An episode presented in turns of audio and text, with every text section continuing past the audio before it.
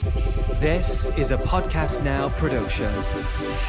أهلا وسهلا فيكم في البودكاست التربوي القائد الصغير. برنامجنا لكل أم وأب. لنساعد بعض على تربية أطفالنا تربية قيادية صحيحة. طفل اليوم هو قائد الغد. أنا لينا. وأنا هلدا. ونحن الاثنين أخصائيين في تربية الأطفال على طريقة دكتور ماريا مونتسوري.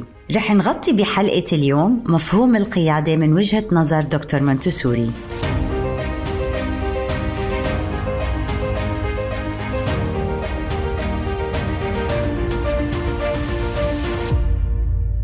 بتعرفي هلدا؟ جوزي يوم شاركني هيك قصة طريفة صارت معه بالسيارة قلت أشاركها مع المستمعين. كان عم بيوصل بنتي جنين امبارح على المدرسة ونحن بالعادة لما نوصل جنين بناخد جودي معنا. كان كله تمام وعم بيغنوا بالسيارة وبيتحدثوا لوصلوا للمدرسة. جنين نزلت بده يرجع بجودي على البيت. بلشت جودي تبكي وتحوس بالسيارة وخلص زهقت من الكرسي. ففكر فكر شو بدي أعمل؟ تعرفي مين أنقذه يا هلدا؟ مين؟ القائد الصغير. برنامجنا. wow شو عمل؟ راح قال يا الله شو بدي أعمل؟ شو بدي أعمل؟ حط برنامج القائد الصغير بالسيارة وسمعت البنت صوتي. أوه. آه yes عرفت صوتي حطت أصابعها بتمها بلشت تمصهم وراحت بسابع نومة. so creative Yes. خالد ضروري يربح معنا فاذرز داي هدية. طولي بالك. بس الحلو بالموضوع إنه هاي ممكن تكون هدية حلوة منا إلنا لبقية الأبهات اللي عم تسمعنا على عيد الأب. إنه جربوا هاي التجربة لو أولادكم بكيوا بالسيارة. سجلوا صوت الأم والعبوه يمكن يزبط الموضوع. آه خصوصا إذا في أغنية دائما بتغنيها لتريحهم أو وقت النوم أكيد كتير بيكون عملي إنه يسجلوها ويحطوها بالسيارة. يا إن شاء الله تزبط معهم نرجع لموضوعنا مثل ما حكيتي نحن عم بنغطي موضوع القيادة من مفهوم دكتورة مونتسوري من هو القائد الصغير؟ موضوع القيادة دايما شاغل بالنا وكتير ناس بيربطوا القيادة بالكرسي والرئاسة شو يعني القيادة في عالم الطفولة؟ وليه اخترنا كاسم للبرنامج؟ أنا تأكون صريحة كأم لبنتين موضوع القيادة دايما شاغل بالي مش لأني ربطاه إنه كونهم هم بنات مش صبيان. شاغل بالي بالتفكير أنا شو دوري كأم لحتى أنمي القيادة فيهم. كيف أبني على إيجابياتهم وأحاول أهذب سلبياتهم؟ وإذا بدي هيك أجيبها على بلاطة من غير ما أقرأ سكريبت وأقول أنا فعلا أنا شو بالنسبة لي قيادة؟ أنا بنظري القيادة أي حدا بيعمل أي إشي مفيد للمجتمع وبفيد البيئة اللي هو عايش فيها والمجتمع اللي عايش فيه فهو قائد. طب هلدا إذا أنا سألتك هلدا هيك جيبيها على بلاطة شو القيادة لإلك أنت؟ شو حتقولي؟ أنا رح أقول القيادة تركيز وعمل. okay. mainly هدول الاثنين كتير بحسهم قيادة. وعشان كمان نفهم أكثر عن القيادة ضروري نفهم شيء كتير مهم. إنه القائد لازم يكون تابع قبل ما يكون قائد. فمحتاج مهارات علشان يقدر يتبع الناس ليكون قائد. فمثلا أنت كتير مثلا قائدة بالمطبخ أنا قائدة بالخياطة. فأنت لما يجي الموضوع إذا بدك تتعلمي مني خياطة مثلا فأنت حتبطلي leader حتصيري تابع لإلي أنا ال leader لأني أنا بدي أعلمك الخياطة. والعكس صحيح إذا أنا كمان بدي أتعلم طبخ فأنا رح أكون تابع لإلك عشان أنتي تعلميني أطبخ. وقتها أنا حبيت أتطور بمجال الطبخ اشتغلت عليه أكتر مارسته أكتر جربت شغلات فيه أكتر. وقتها هذا كله بيعتمد على عملنا. فعشان هيك أنا بالنسبة لإلي كتير بحس العمل هو المين بارت العمل ولما كمان التواضع لأنه هذا أساس القيادة. لأنه يعني حدا شايف حاله صعب إنه يتبع فصعب إنه عن جد يشتغل ويمارس شغلات مختلفة ليعرف هو وين قائد بأي مجال. فالتواضع كمان من أساسيات ال leadership القيادة. مية بالمية. ولما يجي الموضوع للأطفال okay؟ كتير أيام ننسى أنه الطفل انولد هو محتاج ينغمس في تجارب حياتية يومية واقعية okay؟ مثل أي حركة هو بيختارها مثلا مثل حركة الطناجر المفضلة لهم والمغارف. بيحط الطناجر فوق بعض وبرجع بيقيمهم وهيك. فأي غرض هو حابب يكتشفه بالعالم اللي حواليه. أي شجرة أي نملة أي عنكبوت هون تبدأ العلاقة بين هذا الطفل والعالم اللي حوله. هاي التجارب هي اللي بتساعده إنه يلاقي نفسه ويبني واقعه. لما الطفل ينعطى الفرصة إنه يلحق تطوره الذاتي رح يفهم مكانه في هذا العالم. لما يفهم مكانه وقتها بيقدر يسخر مواهبه لمصلحة العالم وبيئته. وهون تتشكل القيادة. واجبنا نعطي الطفل البيئة المحضرة حتى يقدر يقود تطوره الجسدي والعقلي. وعلى فكرة هذا اللي عم تحكيه هو الصلب المونتسوري. يعني إنه الولد يفهم مكانته من خلال عمله. من عمر كتير صغير هذا جوهر المونتسوري. بالضبط. يعني الموضوع كله إنه أنت إنسان انخلقت على كوكب الأرض. فإذا أنت انفصلت عنه أو أنت يعني إحنا أوقات مثلا لينا بنركز أه. على الناس. طب الناس زيك زيهم أنتوا ركزوا أكثر على الأرض. اتعلموا عن الأرض اتعلموا عن المخلوقات اللي حواليها. والطفل سبحان الله by nature بيكون هو مركز على هاي الشغلات. يعني هي copies الناس بس بنفس الوقت هو كتير مركز على الحيوانات على الأشياء الصغيرة على النباتات على كل شيء حواليه. وبتعرفي وانت عم تحكي تذكرت مقولة من مقولات دكتورة مونتسوري إنه الولد اتخلق تيكون رجل المستقبل. يعني هي عمرها ما نظرت للطفل كطفل. دائما كانت تنظر له إنه أنت رجل المستقبل. وهذا إشي يعني لما انت تطلع على طفلك بهاي الطريقة من عمر كتير صغير أكيد حيربى على حب العمل وحيربى على القيادة وحيربى على هيك الاحترام.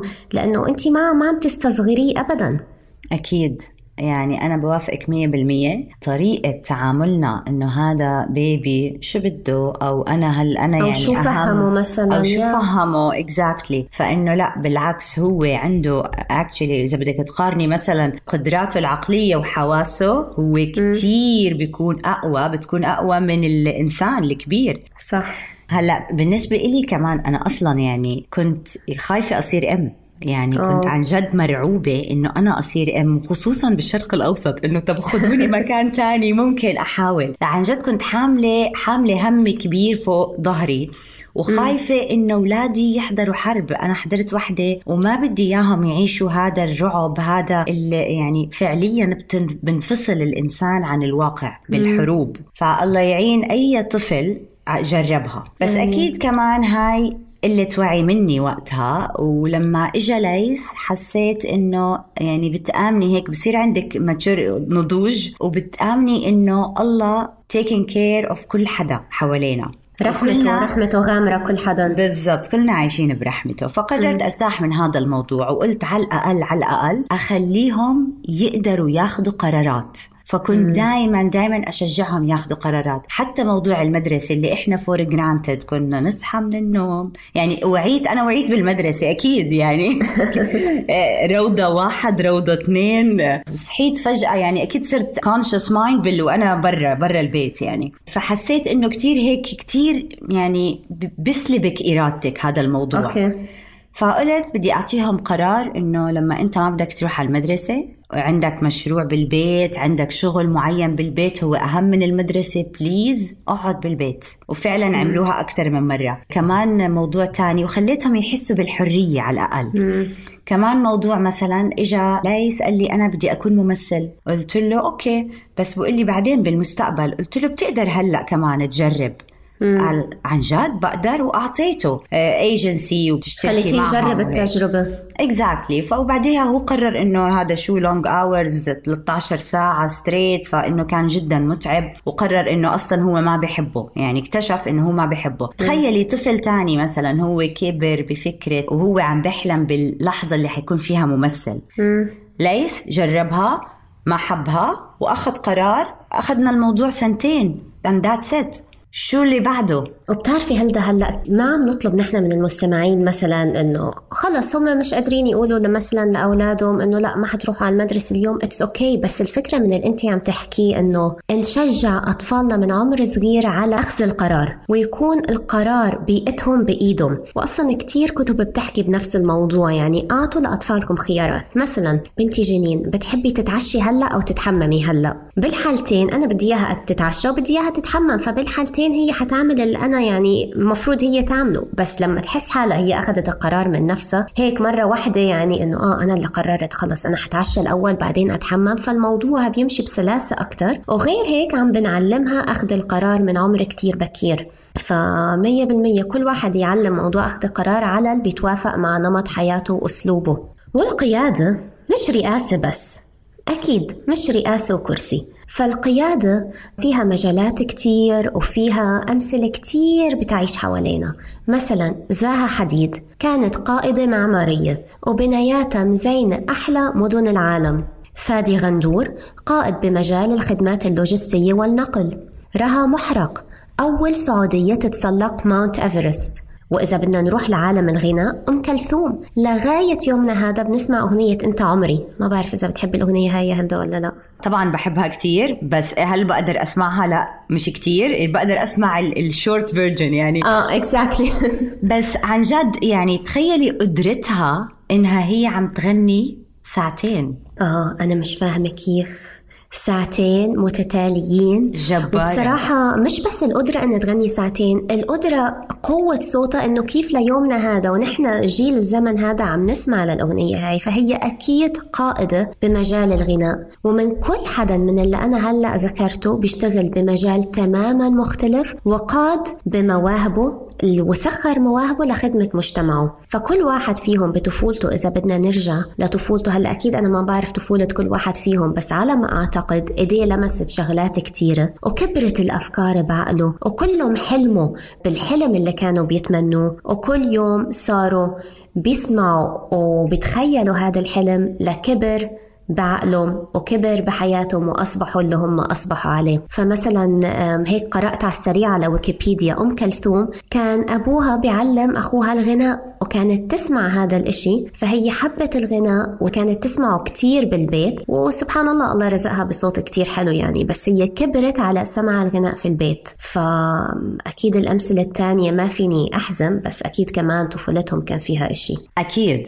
لينا هم تسلقوا السلم درجة درجة لحد ما صارت هاي الأفكار تعكسهم وتعكس تفكيرهم. وعلى مدار الأيام والسنين ضلت تتطور لحد ما صارت هويتهم وشغفهم. ولأنهم كتير ركزوا وقضوا وقت كبير يشتغلوا على هذا الشيء. صاروا يشوفوا مستقبل هاي المجالات اللي أبدعوا فيها وهذا كان حافزهم إنهم يشتغلوا لساعات طويلة وخلاهم يكونوا قادة بمجالاتهم. صح وهاي الأمثلة سخرت مواهبهم لخدمة مجتمعهم وحبوا عملهم مثل ما حكيتي وهاي هي القيادة. تماما مثل ما بتنفذ دكتورة مونتسوري بصفوفها نمت حب المجتمع وتسخير المواهب لخدمة المجتمع من بصفوفها من عمر كتير صغير فهي كيف عملت هذا الإشي؟ ساعدت الأطفال تفهم دورهم بالمجتمع فجمعت عمر الثلاث سنين لست سنين بصف واحد وهذا كتير من النقطة اللي دايما بيستغربوها الأهل انتو كيف تجمعوا ثلاث سنين مع ست سنين بمكان واحد بس هاي هي هون الفكرة إنه لما نجمع هال هالعمر الصغير حيتعلم من الكبير والكبير حيساعد الصغير فنحن شو هون عم نخلق؟ عم نخلق حس المجتمع عم نخلق حس الكوميونتي إني أنا حابب أساعدك وأنا بدي أتعلم منك. وهذا أساس خلق المسؤولية وروح المجتمع والقيادة. وهي نفس اللي قالت الدكتوره مونتسوري يعني إنه أحلى هدية للطفل هي جذور المسؤولية وجوانح الاستقلالية. فهي فعلا نمت الاستقلالية بصفوفها وأعطت لكل طفل المسؤولية. المسؤولية الكبير كان يساعد الصغير والصغير كمان ممكن يساعد اللي أصغر منه أو إنه حتى ممكن يساعد الكبير. ليش لا؟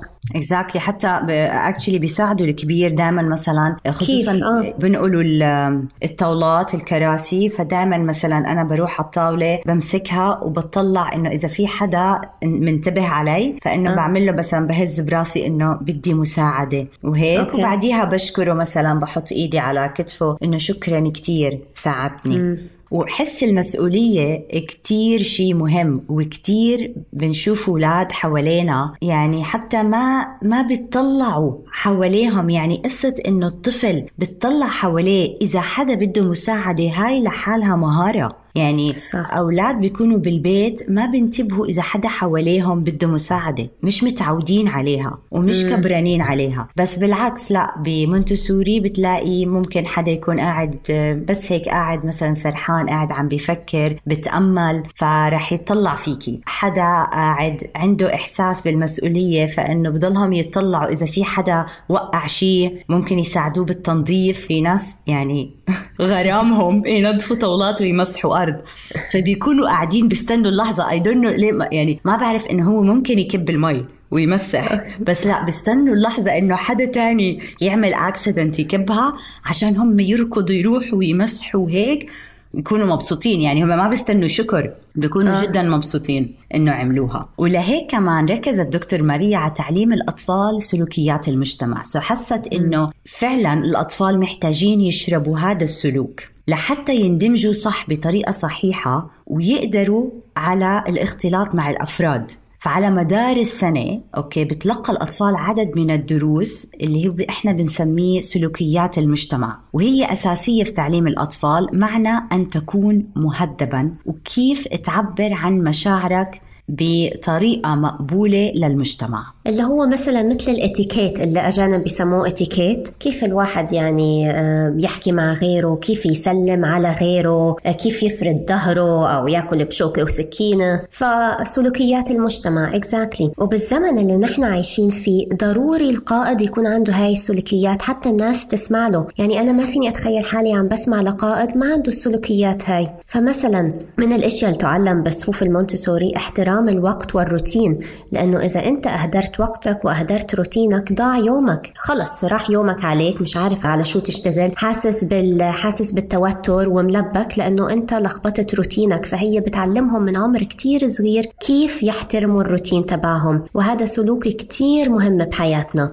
فلازم الطفل يتعلم السلوكيات الصحيحة أولها الروتين. ومن أوائل الأشياء اللي بتعلمها للطفل لأول ما يدخل الحضانة هو النظافة والنظافة الشخصية. كيف يغسل إيده صح كيف يهتم بشكله الخارجي. ومثلا الحلو بالموضوع أنه أطفال المونتسوري دايما بيلبسوا تيشرتات بيضة على المدرسة لأنه إذا توسخ الأبيض خلص البقعة بتكون كتير مبينة. فهم نفسهم بينزعجوا من شكلهم. ومن غير ما أي حدا يقول لهم روحوا غيروا هم حيشوفوا البقعة وهم حيصير بدهم يغيروا. الرياضة كل هاي الأمور هي من السلوكيات اللي بتعلمها بصفوفة. بس هلأ حنعطي أمثلة أكثر وبندخل بالموضوع أكثر. يعني مثلا أنا حشارك من من قصصي أنا مع بنتي. موضوع كتير بسيط. أخذني أنا وخالد جوزي تقريبا سنة ونص نعلمه لبنتنا بس ما نجحنا. كيف لما تكون مرشحة كيف تنف عشان تريح حالها. وبيوم من الأيام إجت من المدرسة ركضت جابت محرمة وفرجتنا وهي كتير هيك فخورة بحالها إنه هي صارت تنف. بصراحة نحن كمان كنا يعني كتير فخورين فخورين منه أخيرا لأنه هذا كتير بخفف عليكي لما الطفل يكون مرشح. إذا عرف ينف حيرتاح وأنت حترتاحي أهله يعني. فهي من الأشياء اللي تعلمتها بالصف. شوفي هي كمان آه، لينا بمونتسوري طريقة مم. التقديم. يعني آه، okay. أي شيء خصوصا بالسلوكيات بتكون يعني بيعطوها احترامها وبيعطوها هلأ كل ال material actually مش بس السلوكيات. بيعطوها وقتها بيعطوها احترامها وال eye contact مع الطفل بيكون كتير واضح وقوي. فمثلا آه، بتخيل هيك علموها يعني. بتخيل إنه إجوا قعدوا مثلا شافوها مرشحة شافوها عندها blocked nose لأنه إحنا usually بنستنى هاي ال signs أو أوقات هيك مثلا بربير بكونوا نازلين. فإنه بنستنى هاي ال sign بنقولها إنه أنا لاحظت إنك أنت محتاجة مساعدة. مثلا أنفك مسكر blocked أنت مش عم تعرفي تتنفسي منيح. وعشان هيك أنا قررت أقضي معك وقت لأعلمك كيف تنظفي مناخيرك عشان تقدري تتنفسي. مم. okay؟ وقتها باخذها على الحمام مثلا بورجيها لأنه ضروري يشوفوا بالمراي إنه إنه كيف شو ال process وكمان آه، فرصة إذا هم ما بيعرفوا يطبقوا المحرمة ففرصة إنه كمان نقول لهم إنه آه في صينية إذا إذا أنت محتاجة تتدربي في صينية عشان نطبق المحارم. وبنعلمهم بالضبط ال process وببطء شديد. يعني ما ما ننسى البطء الشديد لأنه بالنسبة للصغار إحنا إيدينا بيعملوا magic لأنه لما تعملي بسرعة إنه wow كيف عملتها بسرعة؟ وبكونوا جدا منبهرين. بصراحة أشك أنا وخالد عملنا قدمناه بالطريقة هاي. آه، يمكن عشان هيك ما نجحنا بتعليمه. بس مثلا إشي تاني كمان من اللي تعلمته بالصفوف إنه لما بدها تيجي آه، تحكي هيك إنه مش تخبط. تلمس لمسة لطيفة على الكتف تقول إنه أنا بدي أحكي لو شافت اتنين عم بيحكوا مع بعض. فمثلا كمان من المواقف الطريفة أنا كنت قاعدة عم بحكي معها وأبوها كان بده يجي يحكي معي. فقلت له لا لازم تخبط تخبط هيك تلمس كتف ماما لمسة لطيفة وبعدين لما تخلص معي حيجي دورك له آه okay. صرت آخذ الاذن منك يعني. yes yes Montessori child دائما عن جد بيعلم الكبار وبيكون كتير proud إنه هو علمكم. يعني انه هي علمته شيء يعني لأبوها آه. ويفضل إنه أبوها يستعمله ويقول لها شكرا مثلا إنك أنت نبهتيني. و straight face مش ضروري كتير نضحك. straight face إنه شكرا آه. إنك أنت نبهتيني على how to politely interrupt. هاي بنسميها politely interrupt. بس آه. برضه بنقول لهم إنه مش ضروري to interrupt إذا حدا عم بيشتغل لأنه أه يعني أهمية العمل كتير كبيرة بال classroom بس إذا ضروري I will teach you how اعلمك كيف تقطعي. باحترام. ومن الأشياء الثانية مثلا على عمر الثالث سنين ونص خلص صرت كتير أركز معها على موضوع التسليم والسلام. ما بعرف ليه الأطفال ما بيحبوا يسلموا. هلا طبعا تتا على حسب اختلاف الشخصيات. لا ما بدي أعمم أقول الأطفال بس على حسب اختلاف الشخصيات. مثلا أنا بنتي لا يعني عندها موضوع التسليم لسه هيك متحفظة فيه. فبس هلا بما إنه صارت ثلاث سنين ونص وبعقلها الواعي لا صرنا نضغط عليها فيه. يعني تيتا وجدو انت بتعرفيهم كتير منيح عمك بتعرفيه كتير منيح. فبدنا نسلم. وأيام أنا كمان بعظم بتسليمي على أمي. أو هي مثلا بتكون ما سلمت على التيتا بروح بقول لها اسفه أنا ما فيني أحكي معك قبل ما أسلم. بسلم على الماما تبعتي وبزيدها حبتين بالتسليم يعني. فهذا إشياء من سلوكيات المجتمع اللي كمان بيتعلموا بصفوف المونتسوري كيف يعرفوا عن نفسهم. أنا مثلا جنين وكيف يسلموا على غيرهم. okay ممكن لينا كمان تجربي معها شغلة ممكن تقعدي معها تقولي لها معلش أنا بس بدي أحكي معك بشغلة كتير ضرورية آه، لأنه تيتا وجده متضايقين فحابة أحكي معك بهذا الموضوع. انت جاهزة؟ ممكن تسمعيني؟ أنا مو حابة حابة أضايقك بس ضروري تسمعيني لأنه م. تيتا وجدو متضايقين. okay. آه ماما شو الموضوع؟ لما نروح عند تيتا وجدو ضروري مش إحنا بنروح على بيتهم؟ فضروري تقولي مرحبا وتسلمي. okay. it's like a permission يعني زي ما تاخذ إذن إنه ندخل م. على بيتهم. لأنه إحنا رايحين على بيتهم صح؟ بتقول لك آه. صح. okay. فلازم قبل ما تدخلي على بيت حدا لازم تقولي له مرحبا. okay. فإنه تاخذي مثلا إذن إنه بعديها تدخلي. فهاي المرحبا it's your يعني زي إذن تدخلي على البيت. وبعديها قولي لها it's not acceptable anymore مثلا إنه إذا عادتها إنه this is not acceptable خلص مش مقبول التصرف هذا. آه, آه.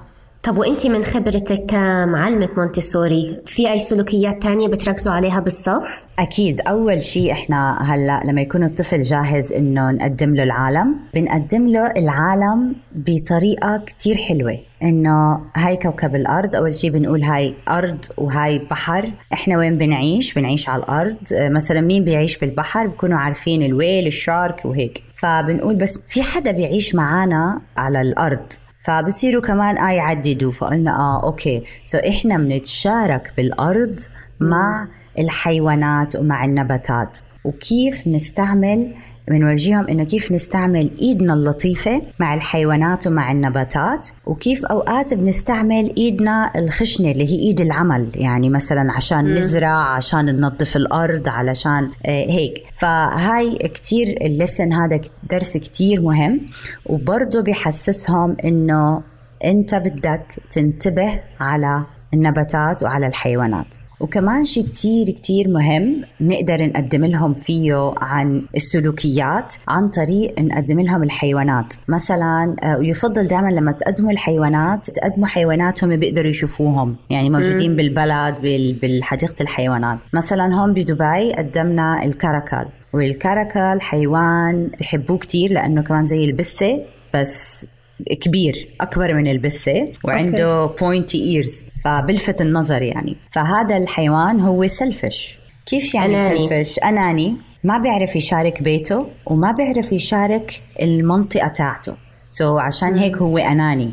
فإنه ما بيحب يشارك وما بيحب يشارك أكله ابدا حتى لو مع أصحابه بكون بيقدر يعمل صاحب واحد الكركال بس حتى أوه. مع هذا الصاحب ما بيقدر يشارك so هون بنستغل يعني facts عن الحيوانات وبنقدم سلوكيات ممكن يفهموها أكثر يستوعبوها أكثر الاحترام للآخر مثلا آه، بمونتسوري classroom في سجادة مثلا نحط ال material أوقات كثير الأولاد بتشتغل على الأرض فهاي السجادة ممنوع حدا يدعس عليها آه، بكون عليها شغل طفل آخر فممنوع يعني totally هلا ما بنقول ممنوع بس بنقول إنه it's not acceptable غير مقبول إنه ندعس على شغل حدا تاني. إذا بدهم يمرقوا وما في مكان مثلا انزنقوا بدهم يمرقوا ضروري من هون أو بياخذوا الإذن. حتى يقطعوا تركيز. مثلا طفل تاني عم بيشتغل هذا كمان غير مقبول. طبعاً. والحلو إنه إنه هلأ مثلا لو حدا قطع تركيز بنتي لأ بتتزعج وبتتضايق. انت عم انت هي بتستخدم كلمة distracting. انت عم تقطعي لي تركيزي فبليز وقفي عم بحاول أشتغل وأركز. برافو. فبت... آه بتعودوا على هذا الإشي. بالضبط. كمان شغلة كتير حلوة ب- بال classroom وفيكم كمان أنتم تستعملوها. يعني هلأ إحنا كل هذا عم بنقول بال classroom لأنه we're sharing خبرات مع منا. بس م. هذا كله فيكم تطبقوه بسهولة بالبيت. ممكن آه، إحنا ك teacher مثلا أو أنا كأم بضلني أحكي لأولادي إنه أنا عندي عقل وأنت عندك عقل أفكار عقلي اوقات بتختلف عن أفكار عقلك. فإذا بأي لحظة حسيت إنك أنت مو حابب أفكاري please قل لي okay؟ عشان إحنا نحكي فيها. فهاي كمان حرية التعبير عن الرأي. ما يحس إنه إحنا عندنا كتير authority أكثر منه بالبيت أو بال classroom يعني هم بيتعلموا حرية التعبير عن الرأي وكمان بيتعلموا كيفية حل الخلاف. فبيبدأوا تقريبا من السن الثالث سنين ونص وطالع يعلموا الأطفال كيف يحلوا الخلاف؟ وما في قائد ما بيعرف يحل الخلاف وإلا يعني كيف حيقود وكيف حيقدر يشجع الناس اللي معه أو يتناقش بالمشاكل. فتخيلي لما طفلك من عمر ثلاث سنين ونص يتعلم المهارة هاي فهي مهارة أساسية بالمجتمع. وبيستنوا خلينا نقول اثنين زعلوا من بعض بالصف أو اتخانقوا. بيجي هون معلم الصف أو مشرف الصف وبيتدخل بيقول مثلا أنا شايفك أنت زعلان. أنت زعلان لأنه هي خربت عملك؟ فالولد حيقول آه.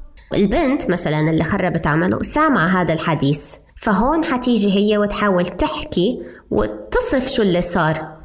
وبعدين هون حيدخل المشرف بيناتهم ويحاول ينمي هذا الحديث ما بينهم وما بين بعض حتى يبني على مفرداتهم وعلى لغتهم ويحاول يدربهم على حل الخلاف والنزاع. فهاي مهارة اجتماعية بيتعلموها من عمر كتير صغير. يا وهاي كمان حلوة نستعملها. مثلا إذا كنا مثلا مكان برا أو كنا بالبيت إجا ولد يشكي عن ولد تاني. okay؟ آه. فإنه وقتها بتقولي له إنه إنه أنت عم تحكي إلي بس أنا ما عملت هيك. هو اللي عمل هيك. ممكن تروح تحكي معه. so هون حلو. بنخليه يكون creative يعني خلاق بكيف يحل مشاكله. حلو. يعني مش إحنا دائما نتدخل ونعطي حلول وهيك. شوفي نحن بنستخدم كثير الأسلوب هذا مع جنين وقرايبها. يعني لما لما بيزعلوا من بعض لا عم بتقولي لنا. أنتوا تصرفوا مع بعض كنتوا عم تلعبوا مع بعض حلوا مشكلتكم مع بعض. وفعلا آه، فعلا بيعرفوا يحلوا مشاكلهم كتير بسهولة مع بعض. إذا انت ما عملتي هيك أنا ما حعزمك على عيد ميلادي. وانتهى الموضوع. انتهى الموضوع. هي عيد ميلادها لسه بعد سنة. خلص انتهى الموضوع بعالم الطفولة. آه آه أو ما بعزمك على بيتي أو أنا يعني. اكزاكتلي يا يا كثير بيحبوا موضوع التهديد بعالم الطفولة يعني ما بعرف ليه. بس إنه اللغة فعلا لنا كتير كتير مهمة وأوقات كتير نظلم الأطفال. يعني ما بنكون عارفين كيف نتصرف بالموقف. بس م. إنه مثلا كذاب حرامي غير مقبول أبدا من الأهالي يستعملوهم مع أطفالهم. حتى لو بالنسبة لإلك هو كذب هو لسه ما بيعرف شو يعني كذب. وحتى لو هو سرق هو ما بيعرف شو يعني سرقة. so so, ضروري نقدم له. مثلا دخلتي على المطبخ ولقينا كل المطبخ مثلا طحين إنه هو فاتح كيس طحين وما في غيره بس مو أنا. امم مو أنت؟ أوكي خلينا ننظف. بعدين مثلا آه، أو قبل ما تنظفوا ممكن تاخديه تقولي له ضروري أنا آه، محتاجة أحكيك بموضوع كتير مهم. آه، بتقعدوا أنت وياه. بتقولي له إنه الإنسان اللي ما بيقول الحقيقة وهذا الحكي ثلاثة ونص وفوق يعني م. أربعة لأنه تذكروا من ثلاثة للأربعة إحنا عم بنقدم السلوكيات. زي ما بن من الولادة لثلاثة قدمنا أسماء الأشياء فهلأ عم بنقدم السلوكيات. فبنقول له إنه أنا لما سألتك على الطحين أنت ما قلت لي الحقيقة وهذا إشي غير مقبول. رجاء أنا كثير رح أحترمك ورح أقدرك إذا أنت بتقول الحقيقة. okay؟ م. okay. خلصنا وكوني firm أعطي الوجه الجدي وممكن كمان ما تحكي معه لمثلا ربع ساعة نص ساعة. okay؟ إنه تكوني مثلا متضايقة عشان يحس إنه فعلا إنه هي موضوع مش مش بسيط.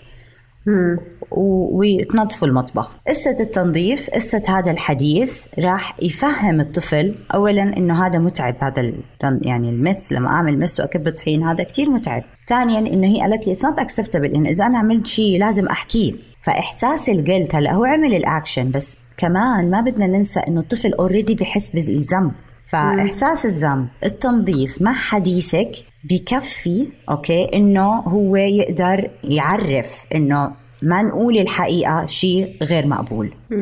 وتماما مثل موضوع السرقة. يعني ما حنروح نقول له أنت سراق بس حنشرح ال behavior حنشرح السلوك. أنت أخذت إشي مش لإلك وهذا اسمه سرقة وبدنا نروح أنا وأنت نرجعه لصاحبه. وطبعا أنه لما تروحي وترجعي إشي هو أخده لصاحبه معه هذا كمان يعني هذا بيحسس الطفل بهول الموضوع. يعني مش سهل عليه أنه يروح يرجع الإشي اللي أخده بالضبط. وهون بصراحة ما حنسى حلقة أحمد الشقيري اللي صورها باليابان.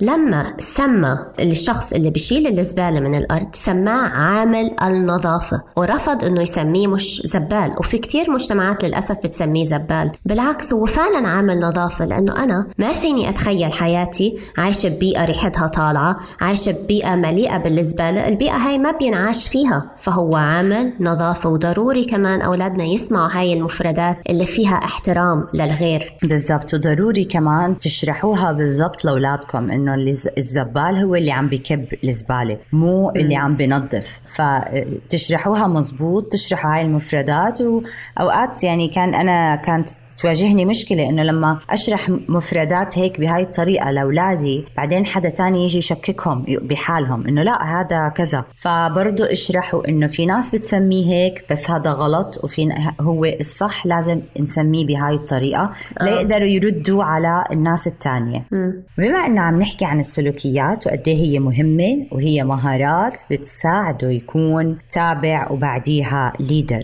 فشو رأيك لينا؟ باللي بيقولوا ابني أو بنتي شخصيتهم كتير قوية وبياخدوا حقهم بإيدهم.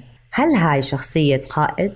أو هل هي مطلوبة محبذة؟ يعني يكون الواحد هيك كتير قوي؟ أنت قصدك يعني قبضاي وعنتر اللي رايح جاي يستخدم عضلاته وبيضرب بالناس يمين شمال؟ هلا في أوقات الناس كمان تستخدم كلمات للضرب مش بس عضلات إنه عضلات وكلمات يعني القوة أوكي. القوة القوة. آه يعني أبضاي عنتر زمانه طيب شوفي بصراحة أقوى عضلة هي عضلة اللسان. إذا واحد بيعرف يدافع عن نفسه بلسانه وبعدين إذا اضطر يدافع عن نفسه بطريقة تانية فهذا طبعا هو المحبس. ولهيك مونتسوري قدمت مفهوم ليساعدنا على فهم مواصفات شخصية الطفل القيادية المحبة للعمل والمحبذة. مش الشخصية الأبضاي لا الشخصية القيادية المضبوطة. وجابتها من خلال نظرية ال normalization وال normalization مصطلح إنجليزي مأخوذ من كلمة normal normal يعني طبيعي. فمين هو الطفل ال normal؟ الطفل بينولد عنده حب فضول لاكتساب مهارات كتيرة وتركيز عالي. وهون بيجي موضوع البيئة والأهل. يا نحن حنساعده بتطوير حب العمل وتركيزه أو حنهد منه حنحطمه. لهيك هي حاولت تشتغل مع الأطفال لترجعهم لطبيعتهم وهي حب العمل القدرة على التركيز الانضباط الذاتي والقدرة على المؤانسة.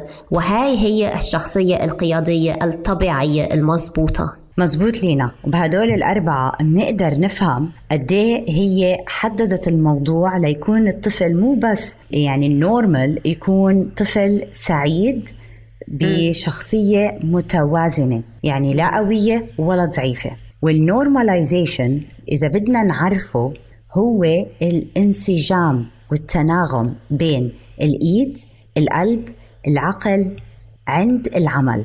so اللي بدنا نشجع أطفالنا لإنجازه هو التنسيق العام بين العضلات الأفكار والحواس. هي عملية بتبدأ لما الطفل يكون مفعم بالحياة مثل ما هيك بيقولوا alive مفعم بالحياة فعلا. وبتقول دكتورة مونتيسوري إنه عبارتنا الوحيدة بوصف الطفل هو إنه طفلك صار منضبط أو طفلك غير منضبط. وفي نحن محضرين حلقة على الانضباط لأنه هذا لحاله موضوع كامل.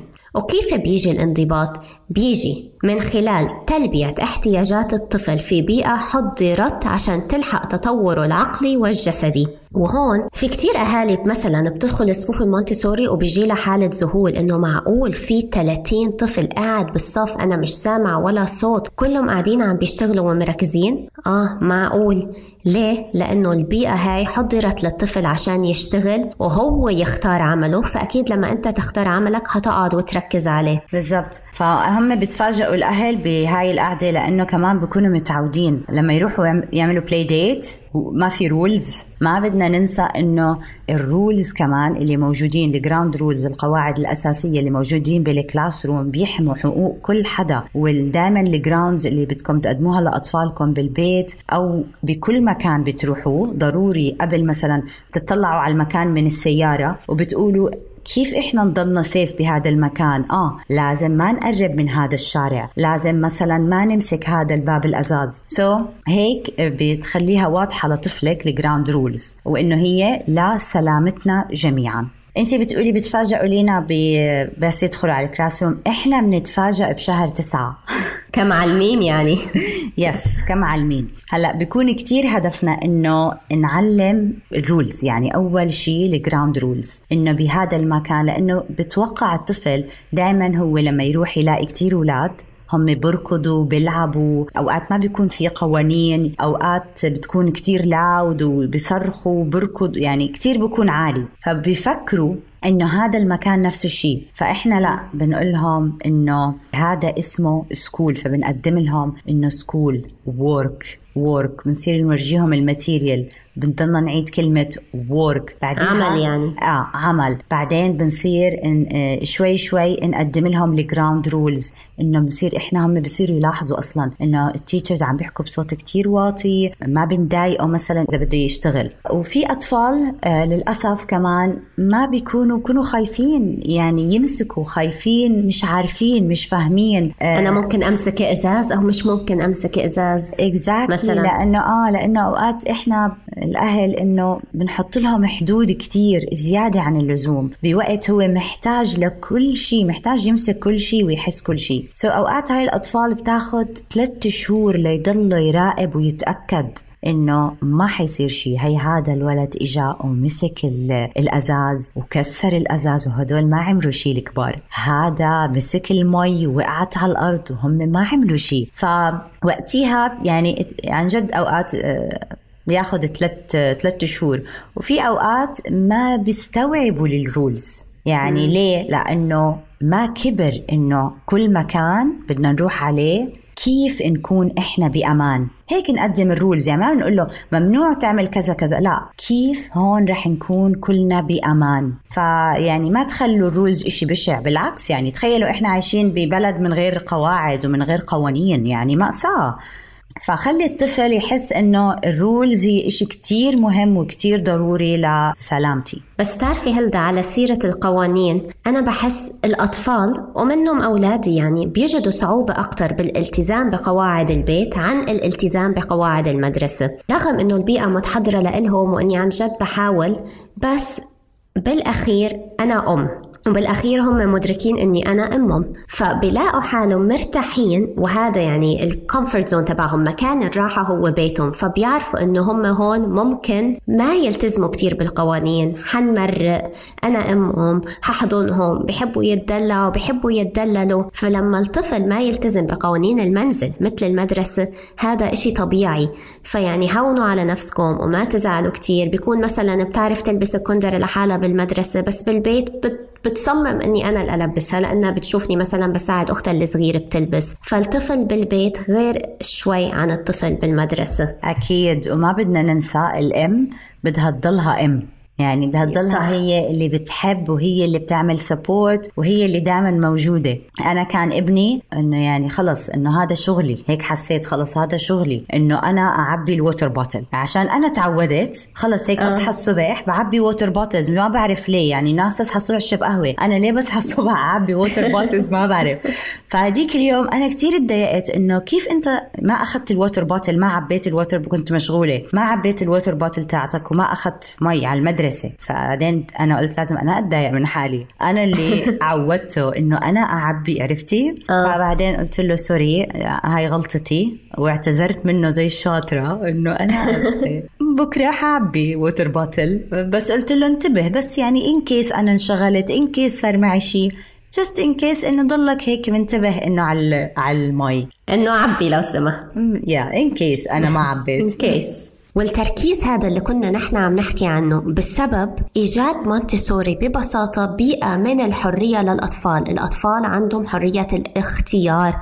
بس حرية مع انضباط. وهون هذا الموضوع سمح للخصائص المكبوتة ولكن الطبيعية اللي بداخل كل طفل إنه هيك يخرجها ويطلعها ويعبر عن نفسه فيها. فلما تقدمي المساعدة المناسبة للأطفال في الوقت المناسب فعلا حنشوف أطفال اتولدت من أول وجديد قادرين يعبروا عن حالهم وقادرين يشتغلوا وقادرين يركزوا. بالمقابل عندنا أطفال بيعانوا من الانحرافات في الشخصية والانحراف بيجي من البيئة الغير مناسبة اللي بتحطم إرادة الطفل. نظرا لأنه الطريق إلى النورماليزيشن اللي هو الطريق للشخصية المتوازنة هو العمل في البيئة الخارجية. رح نستنتج أنه سبب الانحرافات اللي بتصير بالشخصية أو الخروج عن الطريق المستقيم in general هو ببساطة أنه الطفل لم يكن قادر على العمل. أهم انحرافين بالشخصية رح نشاركهم معكم بهاي الحلقة. هم الشخصية القوية والشخصية الضعيفة. سو so, الشخصية القوية تعتبر انحراف عن الشخصية المتوازنة. وبرضه الشخصية الضعيفة تعتبر انحراف لأنه إحنا بدنا الشخصية تكون متوازنة. يعني بدنا الطفل يعرف إمتى يستخدم القوة وإمتى يكون ضعيف. وعشان نختم الحلقة خلينا هيك نعطي للناس أمثلة عن قادة موجودين بزمننا هذا دخلوا صفوف المونتيسوري في مرحلة طفولتهم. مثلا مؤسس أمازون. مين ما بيشتري من أمازون؟ جيف بيزوس. جوجل لاري بيج وسيرجي برين. مين كمان عنا هلأ في مجال الفن؟ بيونسي. بيونسي كمان اتدربت مونتيسوري في طفولتها. واحد كتير عزيز على قلبي. جورج كلوني ممثل كمان تدرب مونتسوري بطفولته. آه والأمير ويليام وهاري كمان. yes كمان مونتسوري. وفينا نقول إنه هو جريء. هاري إنه استغنى عن كل شيء بسبيل قناعاته وال beliefs تاعينه استغنى عن كل شيء. يعني شو حتهددوني بال authority حتى قرر إنه هو يعيش حياته وأخذ عيلته وراح بعيد وعايش حياته. بس انت عم بتحاولي تقولي الجرأة هاي بسبب المونتسوري ولا هذا؟ It could be. يعني could be. يعني خلينا نقول 90% من مونتسوري. وقبل ما نقول لكم bye please تذكروا إنه نعطي الطفل الحرية بالانضباط وما نحط كتير pressure ونفكر وين القيادة ومين القائد. صح إنه إحنا عم نحاول نعطيه الصفات وعم نحاول نعطيه نخليه يكتسب سلوكيات معينة أوكي؟ وهو بعدين عنده حرية الاختيار. ما بدنا ننسى حرية الاختيار بترجع للطفل. وكمان نقطة كتير مهمة على قصة النجاح قد إيه نسبي لينا. أبهرني هديك اليوم طلال أبو غزالة. أوكي. يعني أول شيء حكى جملة كتير كتير حلوة. تكون محبوبا أهم من أن تكون عظيما. so كمان للمجتمع. so هو ما بفكر بحاله وما أظن إنه هو فعليا بفكر بحاله يعني. كمان شغلة تانية حكى إنه أكثر لحظة سعيدة بحياته مش لما كان رئيس آه، دائرة الاقتصاد ومستشارين الاقتصاد ومش أول سيارة ومش أول قصر بناه لا لا أكثر لحظات سعادة عنده لما كان يشارك الفواكه مع عيلته يقعدوا يشاركوا الفواكه مع بعض أيام ما كان بالجامعة. سو so, السعادة هل هي نسبية؟ أكيد نسبية. هل القيادة بتخلينا نكون سعيدين؟ هل القائد بيكون فعليا هو بيفكر بحاله عشان ينجح وبده فلوس؟ أو بيفكر بالمجتمع أكتر وبيضحي عشان المجتمع؟ صح. شكرا لكم. وطفل اليوم هو قائد الغد. انتظرونا بالحلقة القادمة. شكرا, شكرا.